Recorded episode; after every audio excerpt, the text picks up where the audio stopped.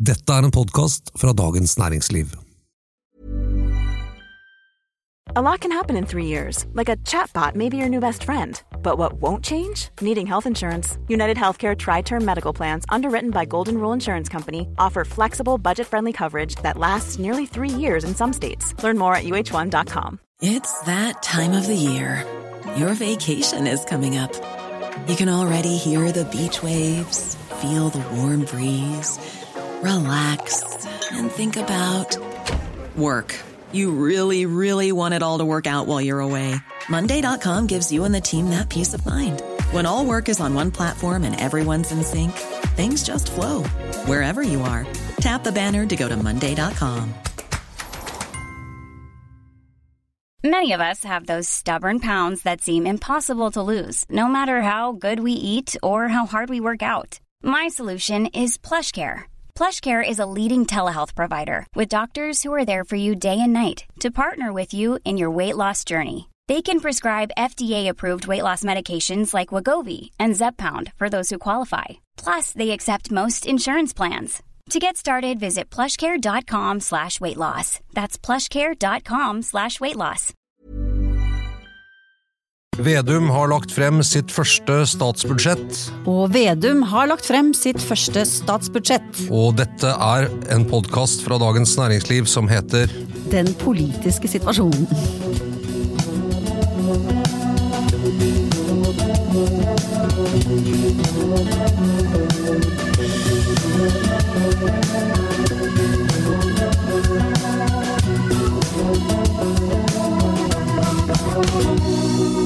Vi er litt stressa i dag, eh, for det er en eh, kokedag torsdag 6. oktober.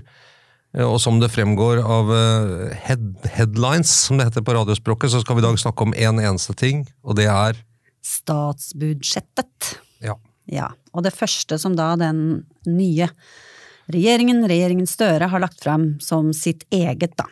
Fra A til Å. Eller så har de jo liksom fiflet på det de fikk fra Solberg, og så har de lagt frem et revidert, men dette her er det første ordentlige statsbudsjettet fra den nye regjeringen. Og du, Fridtjof, du var jo i Stortinget i dag.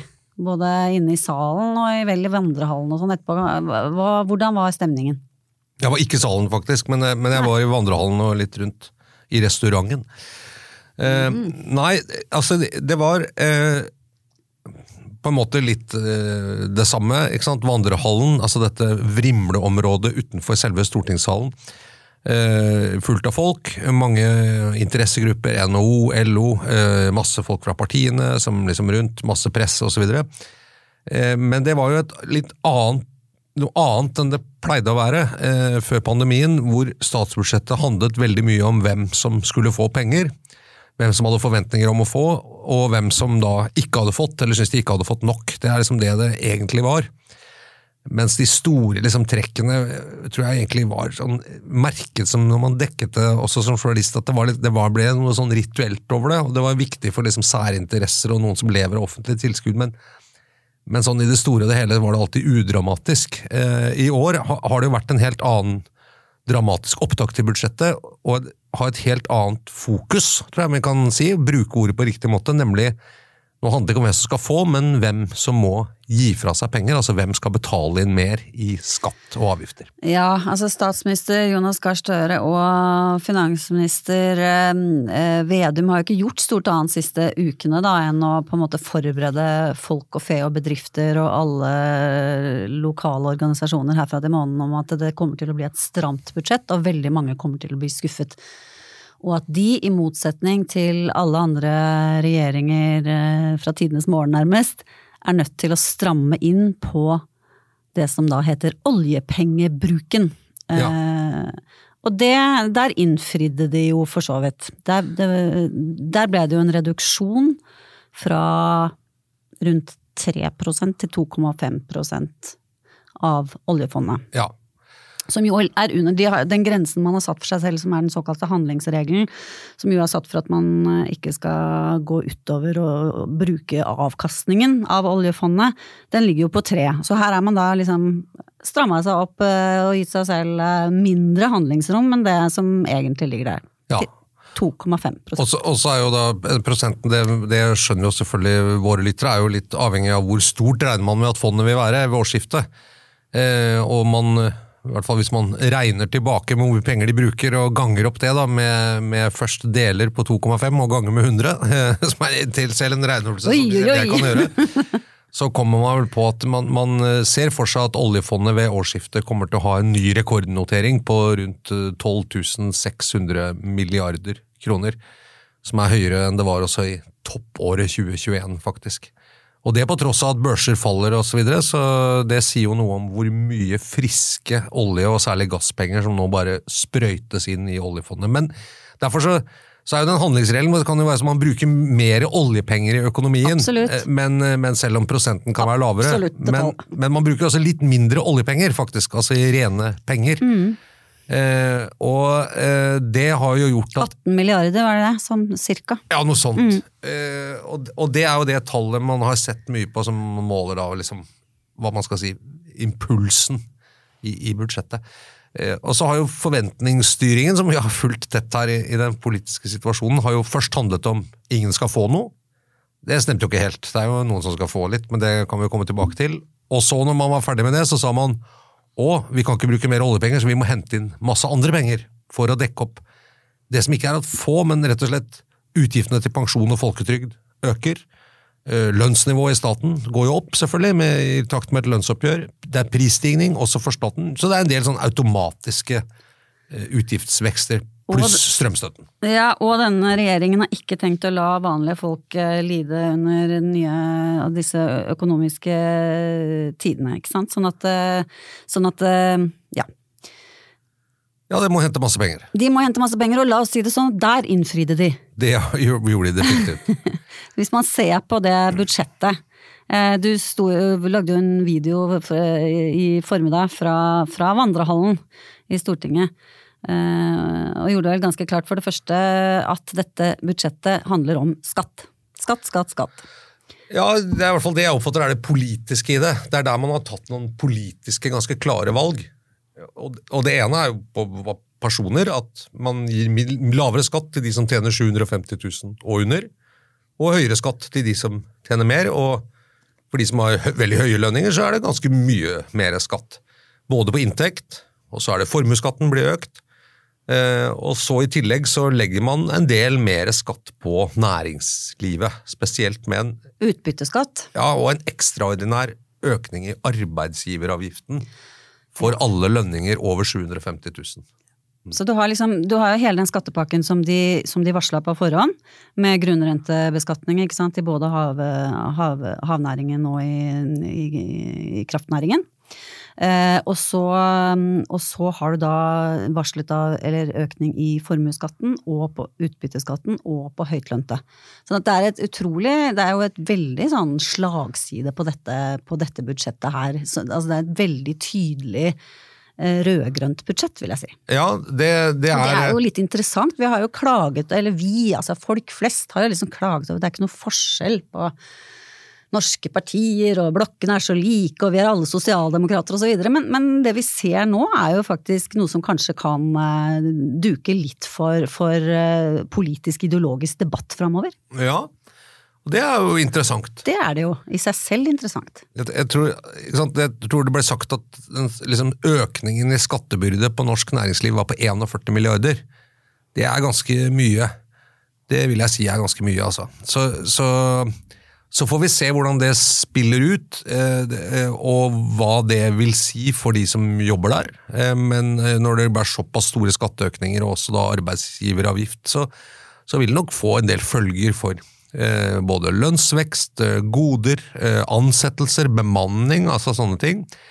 Og alt dette forsvares med at det er en måte å ta ned altså, Både kan man si at det er en fordeling, altså mer sånn politisk ting, men også at, at det er såpass høyt tempo i økonomien at det må settes inn noe ganske kraftig lut for å bremse, rett og slett eh, trekke inn penger, sånn at det ikke går så fort.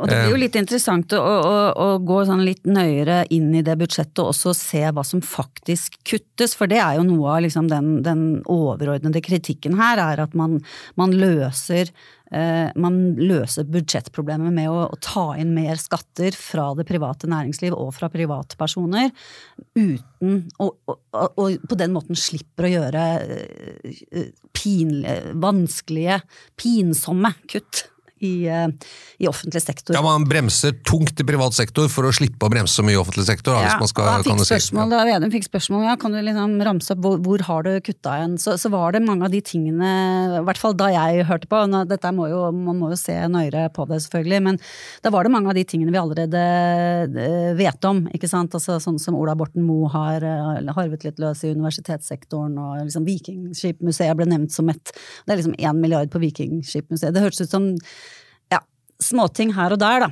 Eh, I motsetning til de 40-50 eh, milliardene som man skal trekke inn fra skatt.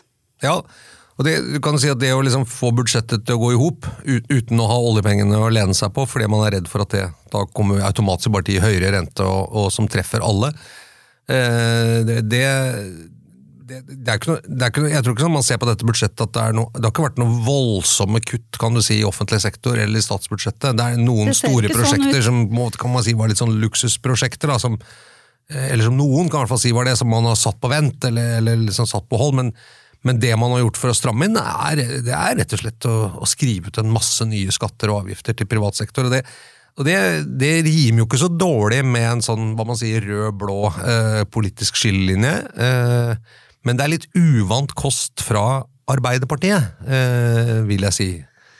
Ja, det er, jeg bare, bare, skulle legge til det der med, med, kutt, fordi det kan jo også ligge noe skjulte kutt i det hvis, folk, altså hvis sektorer, eh, områder, får samme type støtte som før og opplever en veldig prisvekst i, i virksomheten sin. Altså at det kan bli eh, reelt sett da, eh, en nedgang i sånn eh, reell kjøpekraft, eller virkekraft, om man skal kalle det det, for, eh, i offentlig sektor. Så det kan også, også ligge der. Men jeg tenker, nei, du sier uvanlig for Arbeiderpartiet. men eh, på den annen side så er det også litt interessant å tenke, de kommer jo ikke til å få mye motstand fra den de er avhengig av i De kommer jo ikke til å få mye motstand fra den de er avhengig av i, i, i Stortinget.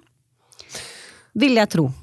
Nei, ut fra altså, jeg... SV er vel ikke noe særlig imot å skattlegge de rikeste? Nei, og, det, og det, det, det, var ikke noe i dette budsjettet som var noe sånn som gjorde at det skulle se ut som det var umulig å komme til en enighet med SV. Det er et par ting der som jeg tror SV ganske fort kan på en måte få gjennomslag for. Det, det, jeg tror det lå et lite kutt i dagpenger der, blant annet. Eh, typisk en ting som kan forhandles opp. Og så har jo SV varslet at de kommer til å kjøre hardt på det som har med klima å gjøre.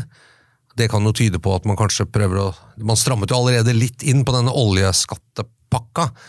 Eh, men kanskje man tar noen flere liksom inndragning av penger fra oljebransjen som gjør at noen felt som kanskje i dag planlegges utbygd, plutselig ikke er lønnsomme og dermed ikke blir bygd ut. Dette Wisting-feltet er jo et felt som SV liksom har singla ut som noe som de mener ikke skal bygges, så det kan jo hende at det blir resultatet av forhandlingene. Ja, for den oljeskattepakken, det er litt interessant i seg selv. Eh, hvordan, hvordan de i budsjettet nå går inn for at det friskattebeløpet skal settes ned. ikke sant? For det handlet jo om denne veldig gunstige skattepakken som ble, som ble vedtatt uh, sommeren 2020 på grunn av veldig, veldig lave oljepriser den gangen, ikke sant? og pandemi og det hele.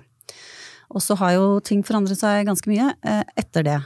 Men så har, så har liksom oppfatningen, i hvert fall sånn som jeg Den har vært at det er ikke Det er liksom ikke god tone og helt mulig engang å endre på det midt i altså sånn, for næringen sin del, da, som da har regnet med denne type skatteordning fram til og med hva er det, ut 2024 eller noe sånt. Men nå skal den endres altså fra, fra, fra 1. januar 2023, tror jeg. Ja. Tror jeg det er. Og det syns jeg var litt øh, overraskende, i hvert fall. Også mm, flere som har tenkt at det er en sånn ting som kanskje SV altså at i hvert fall ikke vil komme fra regjeringen, men at det kunne komme som et, et krav fra SV da, i forhandlingene. Vedum sa vel at det var viktigere med en liksom nøytral skatt enn at den var forutsigbar. Ja, Det er veldig bra at han sier det, for det kan noen notere, og så kan de vise han det neste gang det ja. ikke blir sånn. Nei, det, det, jeg, jeg, tror egentlig når man så at liksom, Det som Erna Solberg sa for noen måneder siden, at når man ser på det nå med de olje- og gassprisene som er nå, så, så er liksom premisset for dette, denne stimulansepakka som dette var, er borte. Absolutt. Eh, de klarer seg fint liksom uten denne ekstra Men det har den jo vært lenge, Ja. men, det er bare, men så har man sagt at men allikevel, fordi at eh, ikke sant, det er så umulig å operere hvis man skal drive og ja, Så jeg bare, det, det er interessant, da. Ja, det er det, men det er jo flere interessante ting her også som vi må snakke om, da. Det er det absolutt.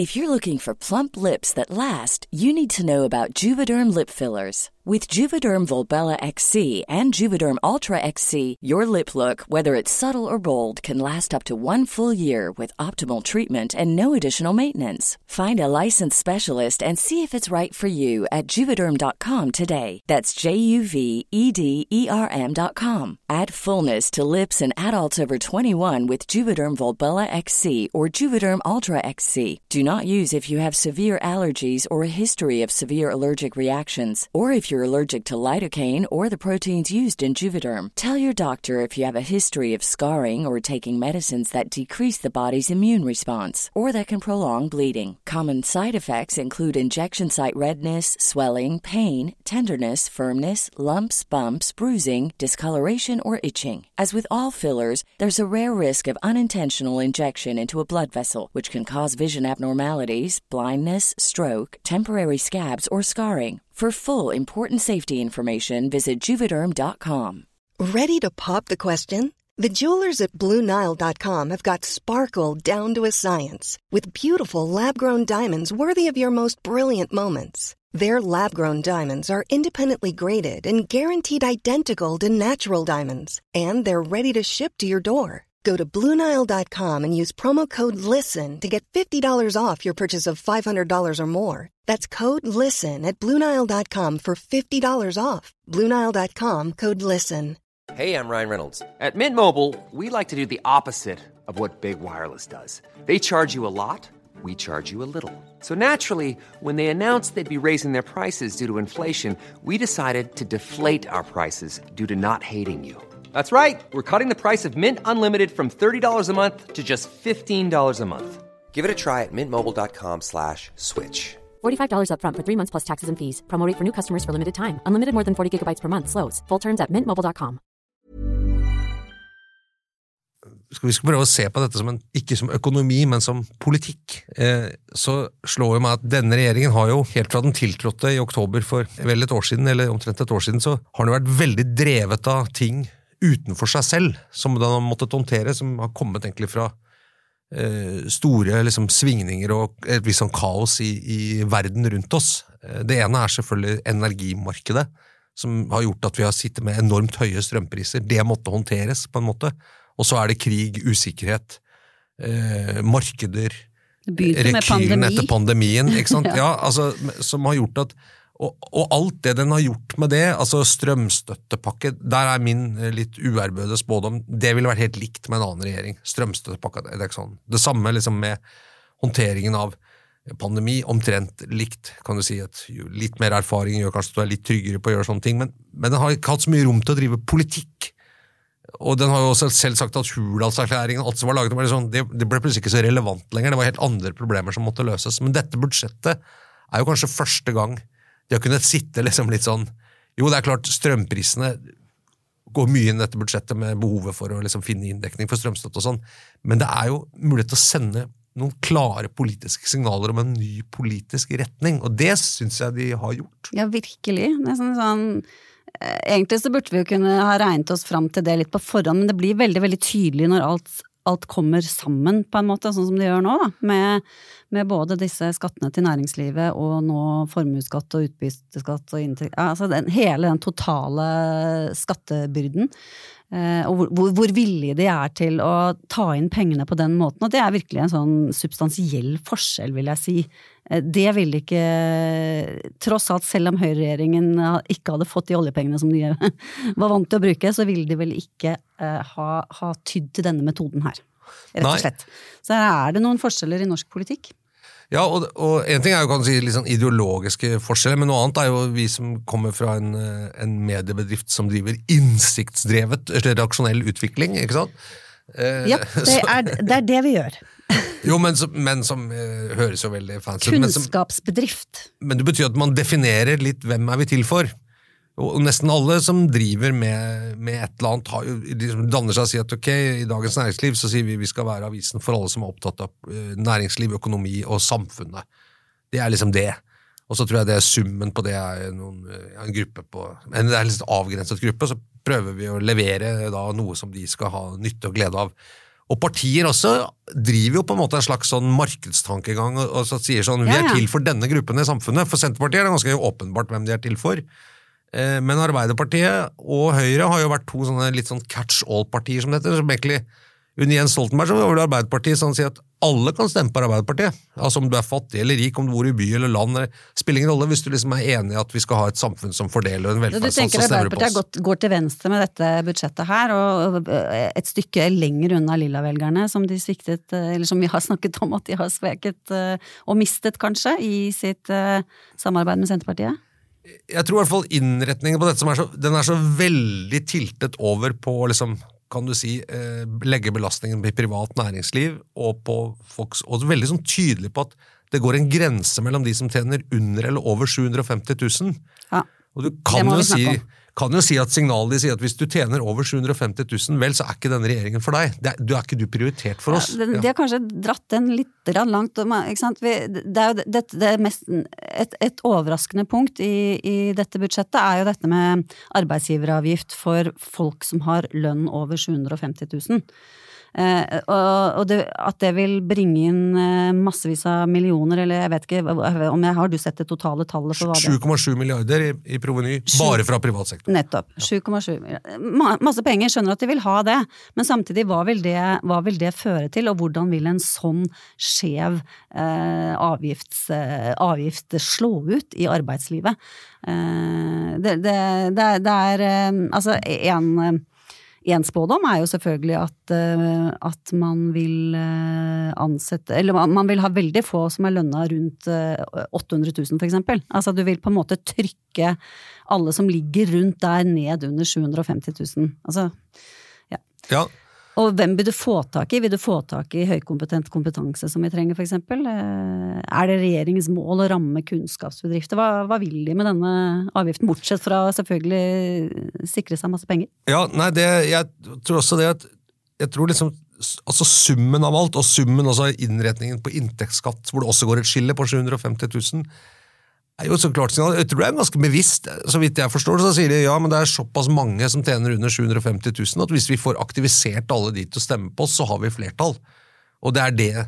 Det var liksom det som skjedde da vi fikk et stort på en måte venstresideflertall i valget i 2021, var at det var den gruppen, og det er den vi er til for. Det er jo liksom våre, det er de vi er eh, valgt for. Men det er jo et sånn politikksyn på at de er utrolig snevre i, i, i tankegangen sin. At det bare handler om å, å få makten eh, neste gang også, og null ansvar på en måte for helheten i norsk økonomi. For at hvis vi, hvis vi hele den norske økonomien skulle være basert på bare jobber som eh, betaler under 750 000, så er, det, så er vi ganske ille ute hva gjelder all mulig teknologisk utvikling og kunnskapsnivå osv. Ja, og så tror jeg altså det, Hvis Arbeiderpartiet da har som langsiktig mål å komme opp på 30 igjen, som jo de mener er et naturlig nivå, og ikke noe sånn veldig ambisiøst nivå for et bredt sosialdemokratisk parti Det går an å ha det, altså Ikke historisk, i hvert fall. Nei, og heller ikke i nordisk sammenheng. altså med, så, så nært knyttet som Arbeiderpartiet er til liksom den, eh, må man si, den nordiske modellen og velferdsstaten osv., så, videre, så, så syns jeg det er litt sånn rart at man gjennom dette liksom å dele befolkningen veldig i to, eh, på en måte skyver fra seg, eller i hvert fall sender et signal om at, om at eh, de som tjener over 750 000, som jeg tror mange av de kunne godt stemt på, sikkert stemt også på Arbeiderpartiet under Jens Stoltenberg og sånt, Lilla-velgerne kan kalle dem det, eller, eller andre sier at nei, nei, nei, dere er på en måte problemet, ikke sant, som vi løser, og derfor så må vi trekke inn penger fra dere og fra arbeidsgiverne deres osv. Jeg, jeg tror det er, en sånn, det, er en, det er en risikabel vei å gå hvis man ønsker å bli et stort parti. da. Ja, og så, så kan det også hende at det er eh, At det også er sånn litt for mye snakket om, og at det er veldig lett for å feste seg, fordi at hvis du ser i realiteten på hva slags skatt man skal eh, få, da, eh, på 800 000 og 850 og 900 så, så er det veldig lite. Det begynner ikke å rive før du er oppe i halvannen til to til tre millioner. Sånn at det, det er ikke sånn at eh, liksom, fra 750 000 oppover så er det bare skikkelig bratt skatteøkning. Men, men, de har satt den grensen, og den har festa seg veldig. Og når det da kommer det i tillegg, dette med arbeidsgiveravgiften og sånn, så, så får du en sånn todeling av de som har vært noe, og de som ikke har vært noe. Ja, ja, for, for ja, for jeg tror Realiteten er jo ikke så veldig ikke sant? Og, og man kan jo tenke seg f.eks. at man har et ektepar eller et samboerpar hvor den eh, ene ikke så uvanlig miks, eh, kanskje særlig litt utenfor eh, de store byene, at den ene jobber i en godt betalt industrinæring, olje, ikke sant? oljearbeider, den type ting, eller kanskje oppdrett av et eller noe sånt.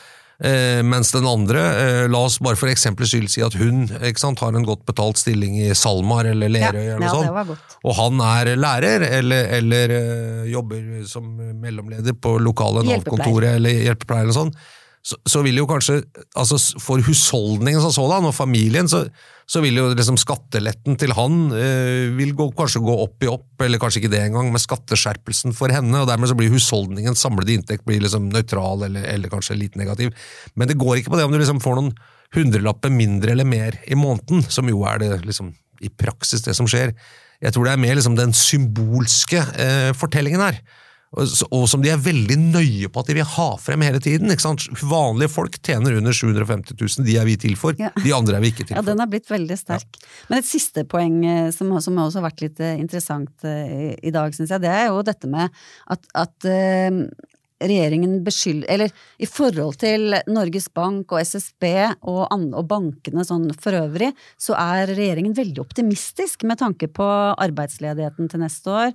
Prisveksten skal være relativt lav. altså Blir det en prisvekst på 2,8% som regjeringen legger til grunn, så er det jo ikke noe, jo ikke noe krise å snakke om, egentlig. Så, og de tenker 2,4 i 2024.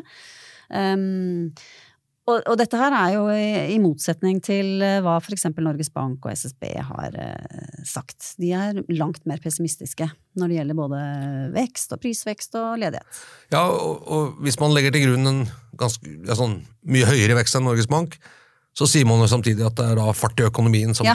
gjør at man må stramme inn. ikke sant? Da burde de ha strammet inn mye mer. Ja, så, så, så, det er noen rare greier Ja, det er noen ting der, og det kan hende, det, men de er også åpne i og for seg med det at det er såpass usikkert at de sier at hvis det viser seg at de nå har satt på for mye brems, så får man heller komme i revidert eh, budsjett og, og, si at ok, vi må slippe opp litt. Men liksom, da er det jo et spørsmål hva slipper man opp på da? Eh, letter man da skattebyrden litt for næringslivet og gir dem litt mer penger å rutte med, eller begynner man bare å bruke mer offentlig? Eh, altså over utgiftssiden ja. på statsbudsjettet. Jeg, jeg, tror jeg vet hva det svaret er, men eh, de får jo vise det først. Ja, jeg tror jeg vet hva du tenker at det er. Ja. men, eh, men, eh, men, det som er kanskje den mest sannsynlige forklaringen her, er at, at Finansdepartementet Altså det å lage et statsbudsjett er så svært og omfattende at på et tidspunkt ganske lenge før det skal legges fram, så må de på en måte ha de underliggende økonomiske indikatorene på plass. De må på en måte fryse det og si da regner vi ut fra det. Ja. Og, og, nå viser det seg jo at en del av den, de dataene de har brukt for dette budsjettet, eh, det kom på plass før juli. Mm. Og da eh, vet vi jo at det har skjedd ganske mye, faktisk. Så det, det er jo normalt. I normale år så er, så er, det jo greit å bruke den tiden der, men vi er ikke i normale tider. Det skjer jo ting så fort. Nei, og Vi vet så, jo også at prognoser og prediksjoner er det en ting som har lært oss da siden pandemien. De går veldig fort ut på dato. Ja, og kris, de er veldig usikre. Ja, og spesielt i sånne tider som ja. nå.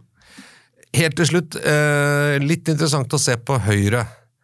Eh, fordi eh, jeg tror, og det så man også litt med denne blåfarververket, eh, lakseskatten og sånn, at uh, man ønsker å liksom få opp en polarisering, at Høyre er for høytlønte og rike, mens vi er for vanlige folk. Og da skulle man jo gjerne kanskje få regjeringen da håpe at Høyre bet på og begynte å vel, gå veldig hardt ut og si skatter på næringslivet og skattetrykket osv. Men eh, Erna Solbergs første, og den var godt planlagt, jeg bare sa budsjettet er ikke stramt nok. Mm. Altså, det, ikke det er ikke stramt nok. Og så har det vært veldig lite sånn høylytt uh, man må si, klaging over skatt fra Høyre.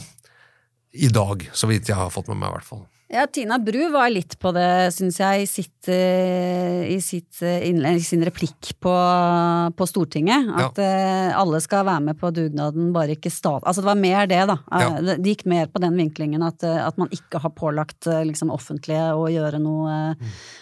noen kutt.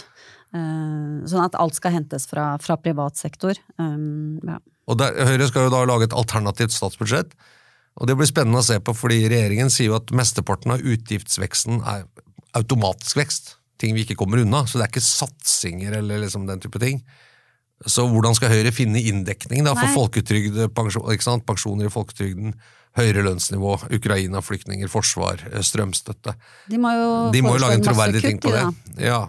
Men hvor, det blir spennende å se. Men hvor det blir spennende å se. Men det der, eh, men, jeg, eh, men, det, men det er er interessant å se at liksom, noen ønsker seg en veldig sånn, klar skatte- og fordelingsdebatt mellom hva man sier, rike og vanlige. Eh, og så tror jeg at skatt kommer til å bli et, et ja, seiler opp som en ganske viktig skillesak, og en, kanskje en vikt, veldig viktig sak hvis dette fortsetter i valget i 2025, og kanskje allerede også til neste høst. Eh, men, men, men Høyre må jo prøve å liksom legge seg på et sted hvor ikke de blir oppfattet som rikingpartiet. ikke sant? Eh, ja, der har de jo vært før. Ja. Det, det, iskalde rikingpartiet. Der vil de ikke tilbake. Nei, det, men det er ganske lenge siden. Da, så, så, jeg tror vi er tilbake til den gruppen vi snakket om i stad. Liksom, vi er partiet for ja, middelklassen, som vi kan kalle det. ikke sant? Kampen om middelklassen. Der bør de jo, Det har vi snakket om før. Der bør de jo ha en åpning nå. De karrer til seg alle lilla-velgere herfra herfra og ut. Norsk historie et nøtteskall. I 19... Under krigen var det kampen om tungtvannet, nå er det kampen om middelklassen. Sånn er det blitt. Sånn er det blitt. Ja. Eh, middelklassen er i hvert fall tilbake med denne podkasten, Den politiske situasjonen, eh, som er en podkast fra Dagens Næringsliv med kommentator Eva Grinde og meg, politisk redaktør Fridtjof Jacobsen, eh, hver uke. Så det betyr at vi er tilbake om en uke. Det betyr det. Vi eh, høres. Vi høres. Og produsent for det hele var Gunnar Bløndal.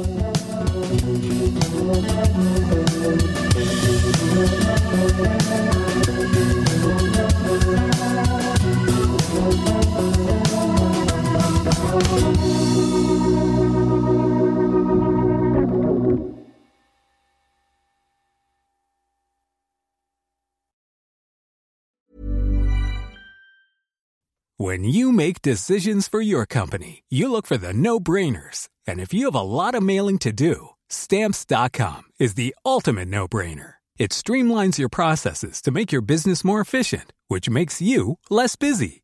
Mail checks, invoices, legal documents, and everything you need to keep your business running with Stamps.com. Seamlessly connect with every major marketplace and shopping cart. Schedule package pickups and see your cheapest and fastest shipping options from different carriers with rates up to 89% off USPS and UPS rates. And with the Stamps.com mobile app, you can take care of mailing and shipping wherever you are. Make the same no-brainer decision as over 1 million other businesses with Stamps.com. Sign up with Code PROGRAM for a four-week trial, plus free postage and a free digital scale. No long-term commitments or contracts. That's Stamps.com. Code PROGRAM. Du har nå hørt en podcast fra Dagens Næringsliv.